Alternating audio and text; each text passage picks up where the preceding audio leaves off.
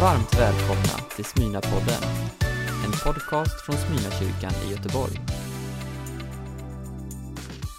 Vi lever i en eh, svår tid och då tänker jag inte bara på pandemin utan jag tänker på många saker som är väldigt, väldigt utmanande.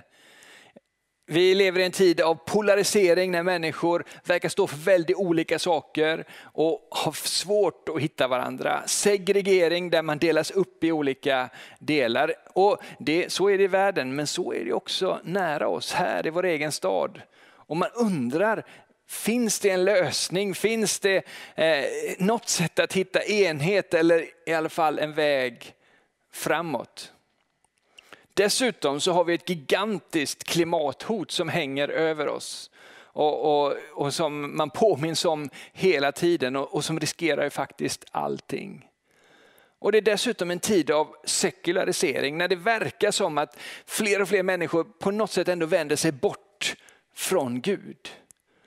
Och mitt i allt det här, mitt i denna svåra tid så kan det ju faktiskt kännas lite hopplöst. Men mitt i det här och i, så har ju vi vår böneperiod. En tid av bön och fasta. Och I årets böneperiod så har vi valt att ta inspiration från Esters bok i Gamla Testamentet. En bok som faktiskt är utmanande på massa sätt. Det handlar om hur Guds folk har liksom avfallit från gemenskapen med Gud och, och tagit felaktiga vägar. Det har lett till att de har blivit invaderade och besegrade av babylonierna och sen förts i exil och får inte ens bo i sitt eget land. Och nu har babylonierna besegrats av perserna. Men Guds folk är fortfarande i exil. Och I Esters bok så handlar det om att just där och då så står de inför en risk för total utrotning när de ska dödas helt. Och Esters bok är dessutom speciell och det har vi hört tidigare i den här predikoserien. Det är den enda bok i Bibeln där Gud inte nämns. Så just den boken har vi valt som inspiration, som eh, att, att titta på, att spegla oss i, i den här böneperioden. En bok som handlar om hur, hur det verkar som att Gud har eh, liksom tagit sin hand från sitt folk och ett folk som har gått fel på massa sätt som står inför risken av utrotning och där Gud inte ens nämns. Men det är intressant. För just den här boken, där Gud som sagt då inte nämns, här ett stark eh, vittnesbörd, påminnelse om just Guds trofasthet och det hopp som det medför och det mod som det ger när man vågar följa det. Men vi ska titta på detta tillsammans. Och bara för att ge liksom storyn i, i korthet. Huvudpersonerna är då Ester och Mordokaj. Eh, Mordokaj är Esters kusin och också hennes fosterfar. Och Ester vinner en skönhetstävling som gör att hon blir drottning. Kungen har tröttnat på sin förra drottning. Ute i den här tävlingen som Ester vinner. Så Ester blir drottning.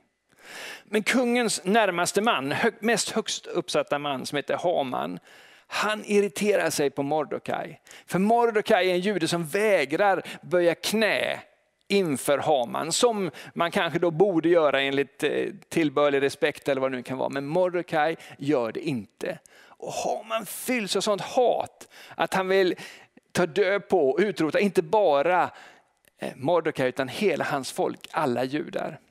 Så han manipulerar kungen till att göra en lag som säger att man får döda alla judar och ta deras egendom. Detta är ju en kris och kungen vet inte om att Ester är judinna. Och nu står man precis inför att den här lagen ska, ska börja träda i kraft. Och då säger Mordecai till Ester, eh, du måste vädja till kungen. Och Ester skickar tillbaka med sina tjänare och säger, det där är livsfarligt. För lagen var nämligen sån att om man gick inför kungen Eh, utan att alltså oombedd gick inför kungen så blev man dödad. enda chansen till nåd var om kungen då sträckte ut sin spira mot den. Men det låg en dödsdom att, att oombedd kliva in framför kungen. Det är livsfarligt säger hon. Och så när Mordecai har fått det svaret så svarar han så här, och då ska vi läsa, och vi ska läsa den text som, som den dialog mellan Ester och Mordecai som jag skulle säga också är liksom lite av kärnan i Esters bok. Eh, och, eh, och där det finns mycket att hämta inspiration av. Och där, om du är med uppmärksamt, märker att Gud är mellan raderna även om det inte nämns. Så jag ska läsa från Ester kapitel 4 och jag läser från vers 12 eh, och till kapitlets slut. När Mordecai fick höra vad Ester sagt lät han svara henne. Tro inte att du ensam bland alla judar ska komma undan bara för att du bor i kungens hus. Tiger du i detta ögonblick kommer befrielse och räddning för judarna från annat håll. Men du och din fars familj ska gå under. Kanske var det för en stund som denna som du blev drottning. Då sände Ester detta svar till Mordecai. Samla genast alla judar som finns i Susa och håll fasta för min skull. Ni ska inte äta eller dricka på tre dygn, varken dag eller natt. Och jag och mina tjänsteflickor ska fasta på samma sätt. Sedan går jag till kungen trots att det är mot lagen. Är jag förlorad så är jag förlorad. Mordecai gav sig iväg och gjorde precis som Ester hade sagt till honom. Jag tänker att vi ska titta på, på vad, vad som sägs i den här dialogen och faktiskt se att här finns Gud mellan raderna eh, tydligt i så som de tänker. Och det första som, som, eh, som Mordecai säger till Ester är Tro inte att du ensam bland alla judar ska komma undan bara för att du bor i kungens hus. Det kan ju verka lite hårt för Ester har inte tidigare i dialogen sagt att hon skulle liksom bara försöka rädda sitt eget skinn eller så. Men när man tittar på det så är det ju det som, som Mordecai försöker göra, eller vill påminna Ester om, är att ställa frågan, men vad sätter du din trygghet till? Sätter du din trygghet till att du faktiskt finns i kungens hus? Alltså litar du på kungen? Eller litar du på något större, på honom som håller detta i sin hand? Även om man inte nämner Gud så är det tydligt att Mordecai menar att man ska lägga sin förtröstan, det man litar på, någon annanstans. Kungen verkar ju dessutom inte så väldigt pålitlig. Han har ju redan kastat ut en drottning som han tröttnade på. Och, och han verkar ju eh, skicka lagar åt lite olika håll, allt utifrån vad man kan manipulera honom. Utan Mordecais budskap är fundera på eller överväg eller bestäm dig för var sätter du din tillit till? Vad litar du på? Det är det som kommer i det första Mordecai säger. Och sen säger han det här. Tiger du i detta ögonblick så kommer befrielse och räddning för judarna från annat håll. Alltså, Gud är inte beroende av Ester. Och Mordecai har en tydlig förtröstan att Gud har detta i sin hand. Det, det finns ett, kommer från ett annat håll. Du har en, en chans, men det är inte beroende av dig. Utan om inte du gör detta så kommer det komma från ett annat håll. Eh, Gud är inte beroende av oss människor och Gud är inte beroende av dig. Och Mordecai har ytterst sin förtröstan till Gud. Och så kommer då den här meningen som, som också är liksom huvudtemat för hela vår böneperiod och kanske det mest citerade citatet från just Esters bok. Kanske var det för en stund som denna som du blev drottning. Alltså Mordecai säger till Ester, det är inte en slump att du är där du är. Att du har fått de förutsättningarna du har fått. Att du har eh, kommit in och fått de ingångar, att du har de egenskaper du har eller vad det nu är. Det är kanske just för att det ska komma till användning, att du ska få vara en del i Guds plan. Alltså inte att Guds plan är beroende helt och fullt av henne, men att hon kan få vara en del av Guds plan. Kanske är det just för en stund som denna, där du är där du är. Och Esters respons är två saker. Det första hon säger är, okej, okay, fasta. Om jag ska göra detta, fasta. Jag tänker fasta, de som är nära mig tänker fasta, men jag ber er andra judar också fasta.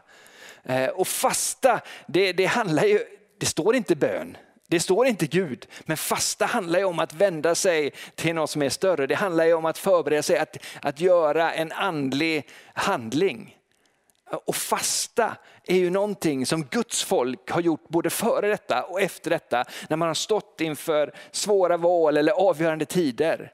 Ett sätt att på något sätt helga sig inför Gud, att, att, att vända sig till honom på ett djupare sätt. Ester säger fasta.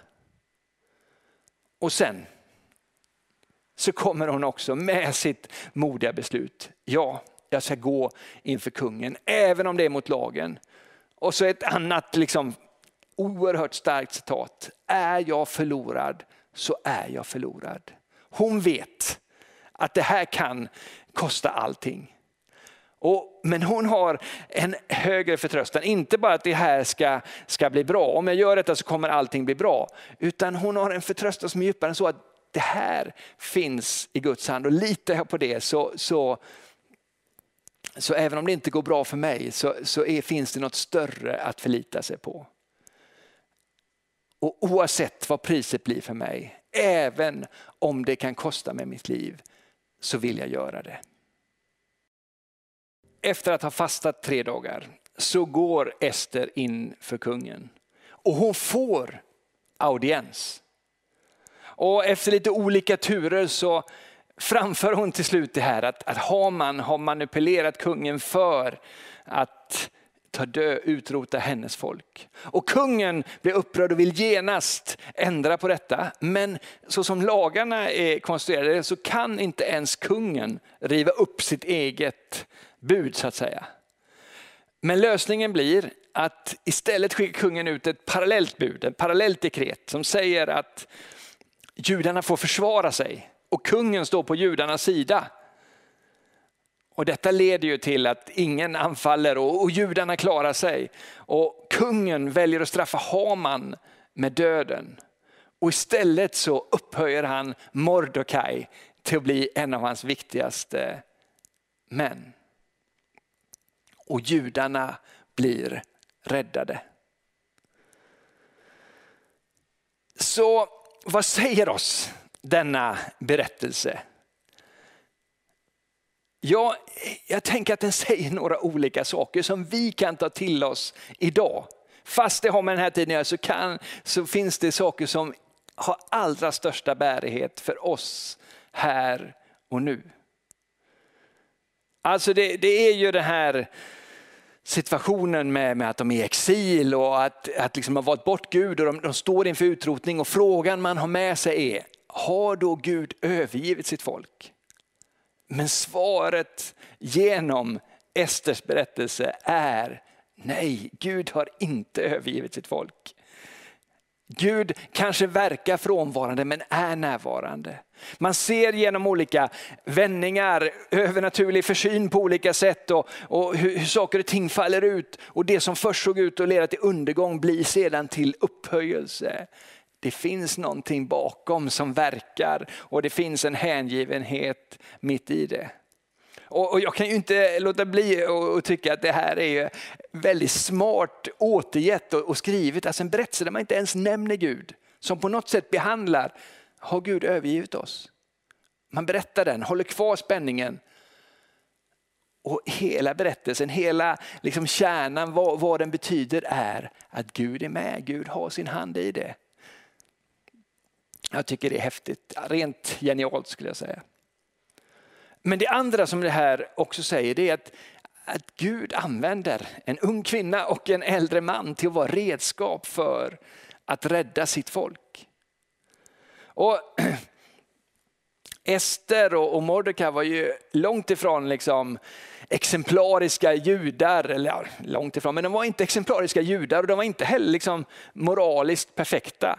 Ehm, man ser ju att det var ett antal, eh, det här är ju liksom ett hov där det verkar pågå mycket supande, det är liksom översexualiserade skönhetsideal, det är våld och, och, och, och mord. Och Även om det är mest liksom runt kungen och hovet så, så ser man ju inte att Ester och Mordecai tydligt tar avstånd från det. Utan de, och ibland är de rent av med på vissa saker. De är inte moraliskt liksom över allt annat och eh, liksom det goda förebilden på det sättet. Och även om man tittar, och också om man tittar på de gör kompromisser med det som är den judiska lagen, Toran. Ester gifter ju sig till exempel med en hedning som man inte får göra. De äter mat som, som inte räknas som ren. Och man kan ju säga att ja, men det är klart att det är kompromisser som de gjorde för, utifrån förutsättningarna. Och, och, och helt förståeliga. Men det finns ju andra som var i liknande situationer. Jag tänker på Daniel eller Sadrak, Mesak och Abednego. Vi kan också läsa om i Daniels bok. Som istället stod upp och liksom utifrån det hamnade den brinnande ugnen och Daniel hamnade i lejongruppen, ni vet allt det där. Eh, utifrån att man stod upp för de här idealen. Så är det inte riktigt med, med Ester och Mordecai. Så det är inte för att de är Eh, renläriga judar, tittar på de här. Det är inte därför de har kommit med i Bibeln och blivit en viktig berättelse. Det är inte för att deras höga moraliska standard eller vad det nu kan vara som, som blir rättesnöre. Utan de är exempel på något annat. Det stora med Ester och Mordecai är just deras förtröstan på Gud. Att de litar på Gud mitt i denna svåra, svåra utmaning som de står i. Och de har mod att följa det. De har mod att agera utifrån det hopp som de har.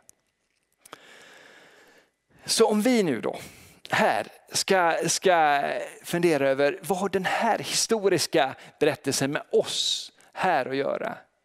Och, och, och jag tänker att vi kan få, få luta oss in, eh, lära av dem, spegla oss av dem. För Gud är på samma sätt som han var då, är han ju nu. Så vi kan få titta hur det var då och ta det till vårt liv. Och om vi då går till den här dialogen som, som är lite grann kärnan i hela historien. Så tänker jag att samma saker, samma poänger som Mordecai och Ester kommer fram till har sin bärighet för oss. Det börjar ju med att Ester säger, men, att, att, att, säger att ja, men det här är livsfarligt. Eh, och då svarar ju Mordecai så här, ja, men bara för att du bor i kungens hus så kommer du inte komma undan. Alltså han säger, fundera över vad har du din förtröstan, vad litar du på? Tror att det där ska ge dig en säkerhet, det där är inte liksom det man kan bygga på egentligen. Kungen är ombyte, du kan inte lita på det. Jag tänker att det är på samma sätt för oss idag.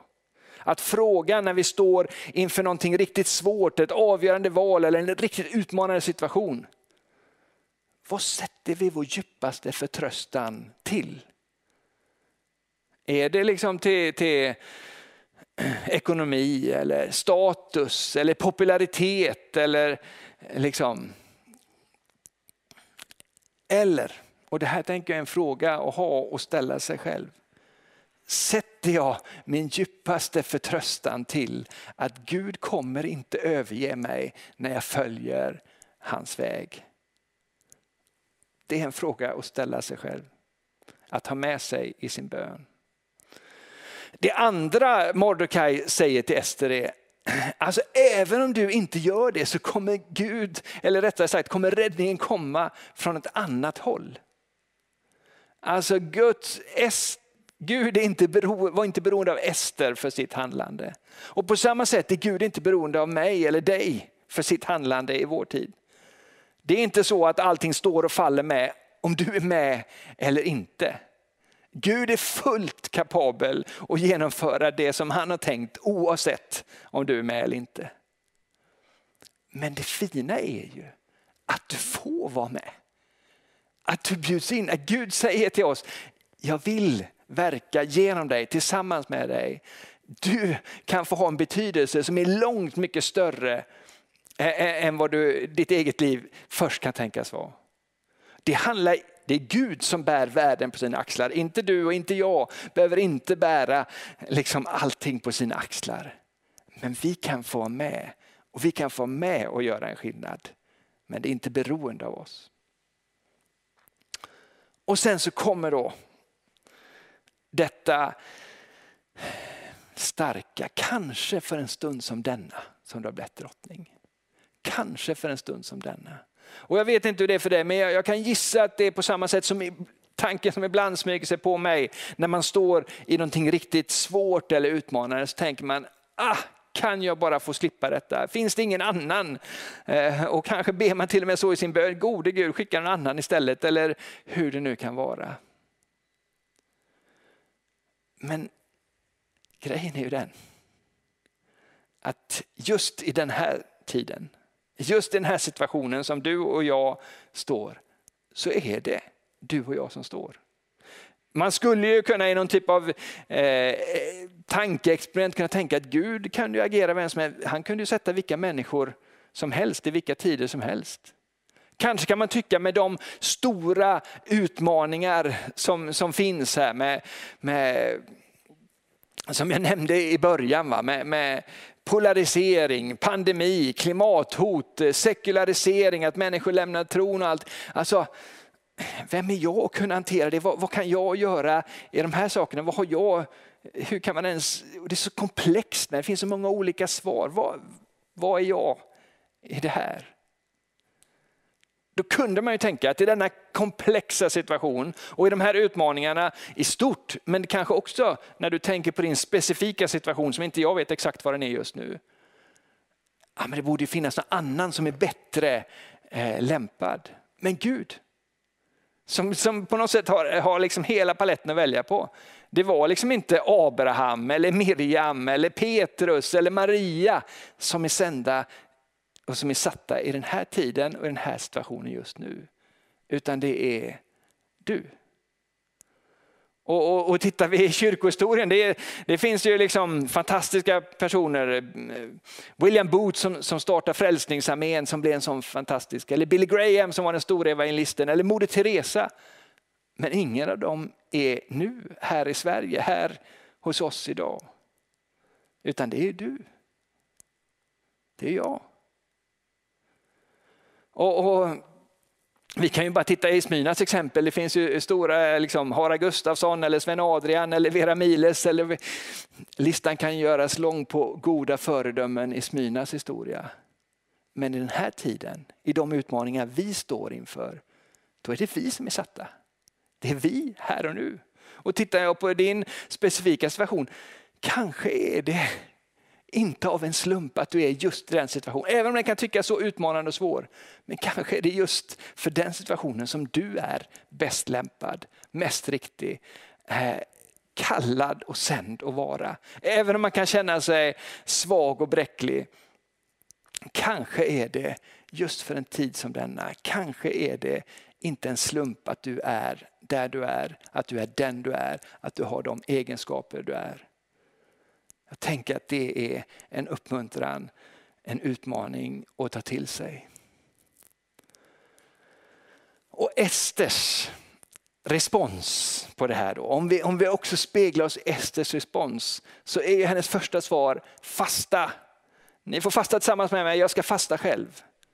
Och, och, Det kan ju tyckas, om man bara tittar på det rent logiskt och liksom utifrån, att om man står inför en jätte eh, tuff situation, att man då, nej nu ska jag inte äta och jag ska inte dricka på tre dagar. Det verkar ju helt ologiskt. När man står inför stora utmaningar så ska man ju bunkra. Det har vi lärt oss nu av MSB och annat. Va? ska man ju bunkra och bygga upp och, och fylla på alla reserver. Men Hon tömde sig istället. Fasta, avstod. Och det, betyder, det handlar ju om just detta. Fasta handlar inte i första hand om, om liksom mat, avstå mat och dryck.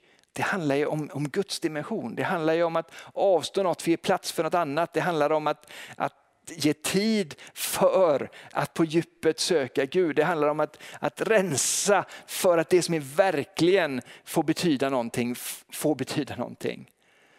Eh, Esters uppmaning till oss när vi står i en situation, kanske i det lilla men också i det stora som kan tyckas svår och nästan hopplös tänker jag är i allra högsta grad relevant. Fasta, rensa, sök honom som står över högre än allt.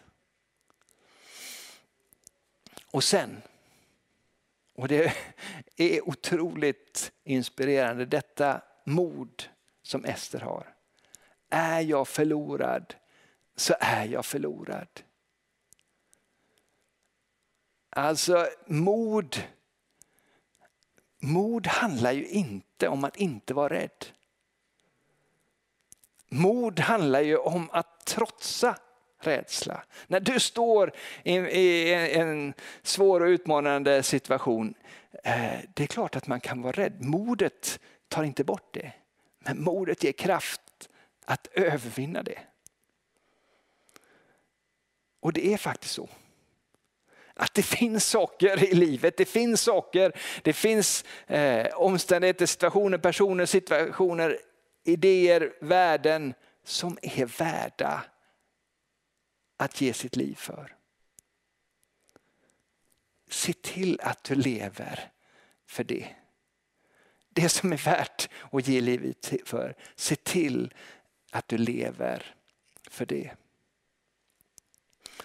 Så jag tänker att Ester och Mordecai har mycket, och inte minst för den här dialogen, som kan inspirera oss i den svåra, komplexa och utmanande situation vi är. Och i din specifika situation som är svår på ett sätt som kanske inte jag känner till. Uppmuntrande är ju också att de var inga perfekta, de var inte exemplariska judar, de var inte perfekta moraliska förebilder.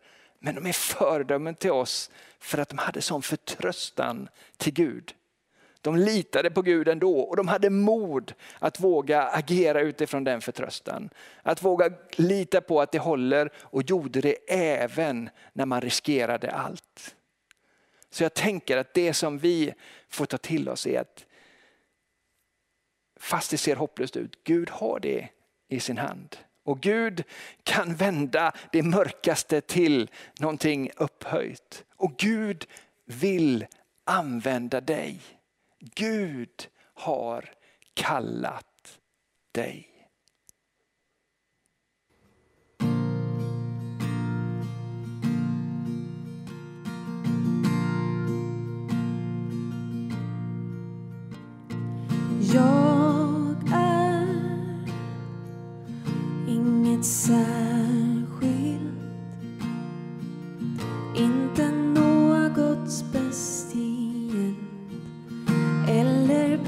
Bättre än någon annan.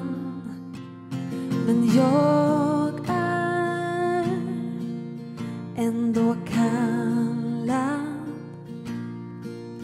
till att vara den jag är. Göra plats för Jesus här. För redan innan jag fanns till så var att vi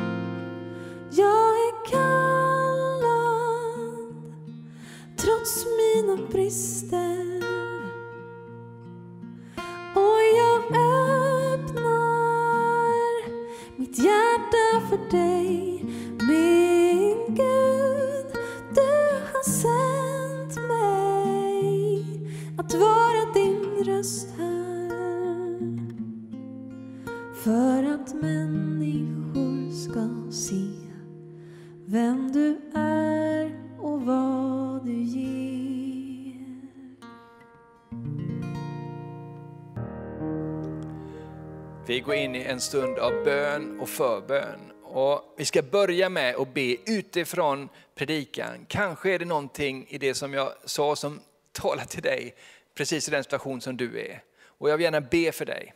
Kanske är det så att du i allmänhet känner att läget är väldigt svårt och vad gör jag i detta? Och det nästan känns lite hopplöst.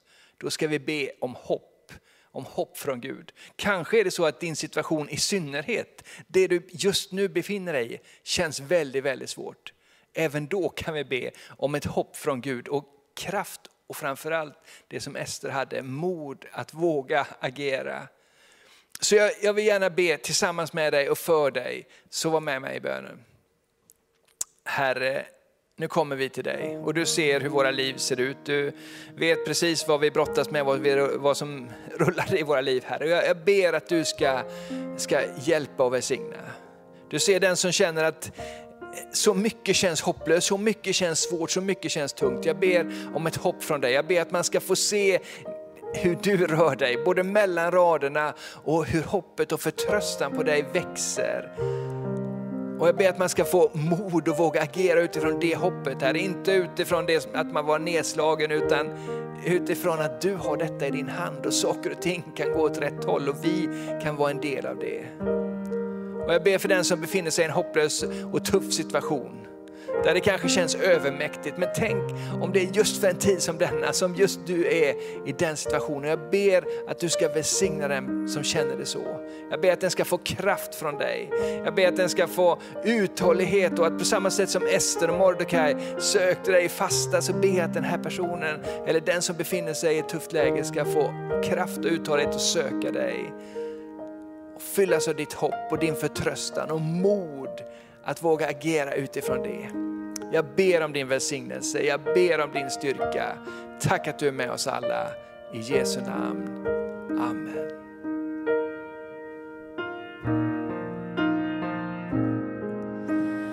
Du sa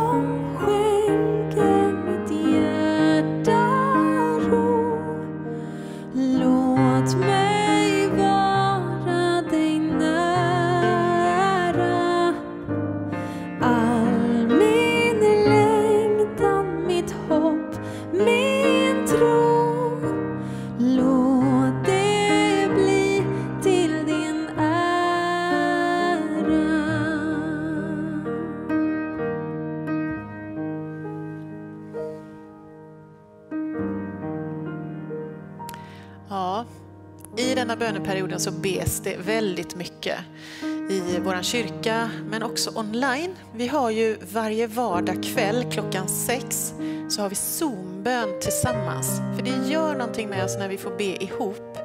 Kraften blir på något sätt större när vi får be tillsammans. Kanske har du också möjlighet att be tillsammans med dina vänner i din hemgrupp. Vi vill verkligen uppmuntra dig att be med andra och inte bara be själv på din kammare. Du har också möjlighet att skicka in dina bönämnen om du vill att, eh, att vi ska be för ditt specifika bönämnen. Och då kan du använda bonatsmyna.se som mejladress. Och så ber vi för de här bönämnena som kommer till den adressen flera gånger under veckan.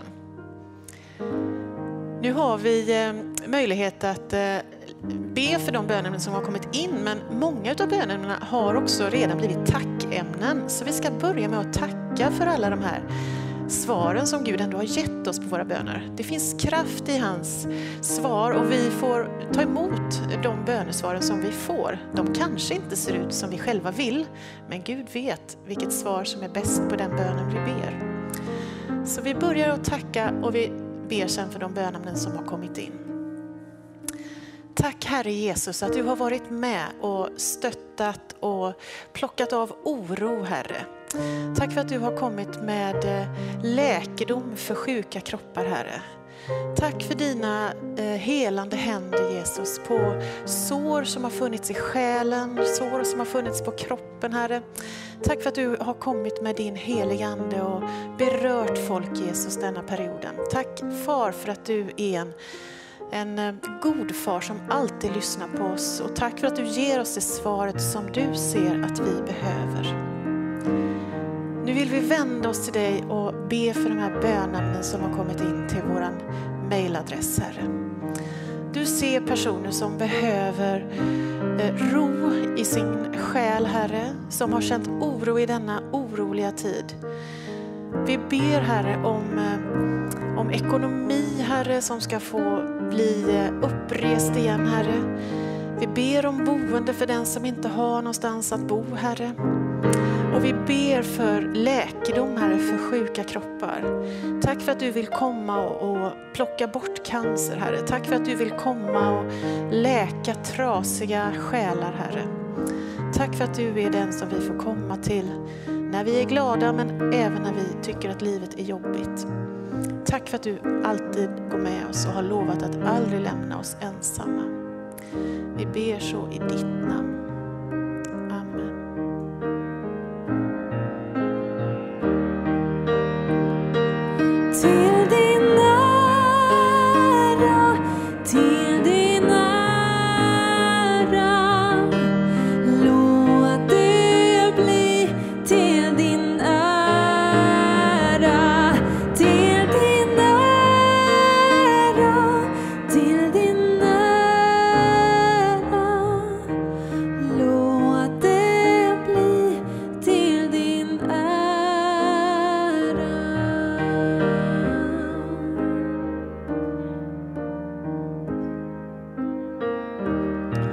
Fortsätter i bönen och jag vill särskilt göra en inbjudan till dig som kanske inte har bestämt dig för att vara en kristen. Men du har följt kanske den här gudstjänsten, kanske flera gudstjänster och du har känt hur du har blivit berörd på sätt som du inte riktigt kan kanske förklara eller sätta ord på.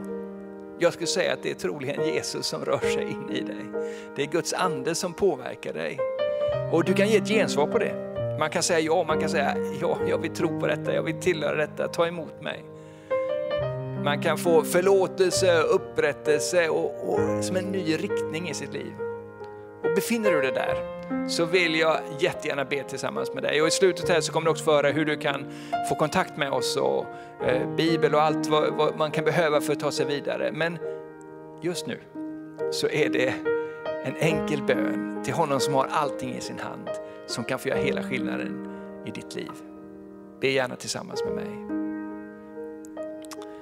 Herre, du ser den som eh, längtar efter dig och kanske inte alls ens har riktigt orden för det.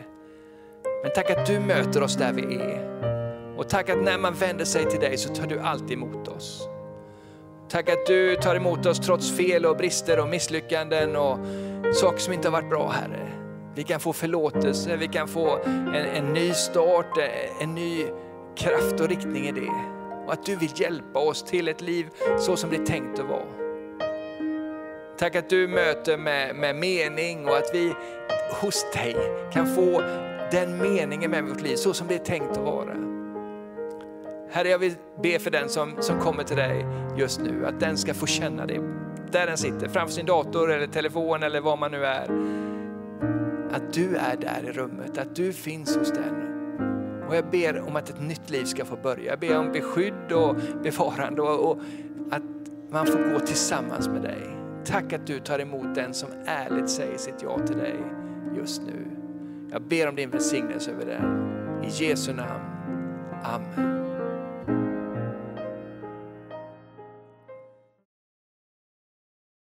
Du har lyssnat på en predikan från Smyrnakyrkan i Göteborg. Hjärtligt välkommen att lyssna igen eller besöka Smyrnakyrkan. Gud välsigne dig och din vecka.